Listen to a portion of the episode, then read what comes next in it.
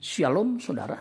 Renungan hari ini berjudul Empunya Kerajaan Sorga Matius 6 ayat 13. Dan janganlah membawa kami ke dalam pencobaan, tetapi lepaskanlah kami daripada yang jahat.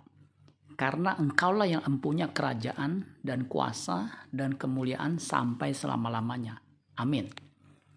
Di akhir doa Bapa kami ada kalimat, karena engkaulah yang empunya kerajaan dan kuasa dan kemuliaan sampai selama-lamanya. Tuhan memang satu-satunya yang memiliki kerajaan sorga dengan segala kuasa dan kemuliaannya. Orang Kristen yang mengikuti formula kehidupan seperti yang dinyatakan dalam doa dalam kalimat doa Bapa kami juga akan empunya kerajaan sorga itu. Siapa dia?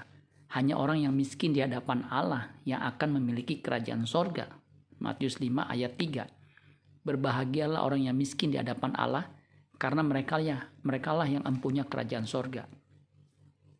Untuk memiliki kerajaan sorga, kita harus mulai mendatangkan kerajaan itu sewaktu kita hidup di bumi. Matius 6 ayat 9 sampai 10. Karena itu berdoalah demikian. Bapa kami yang di sorga, dikuduskanlah namamu, datanglah kerajaanmu, jadilah kehendakmu di bumi seperti di sorga.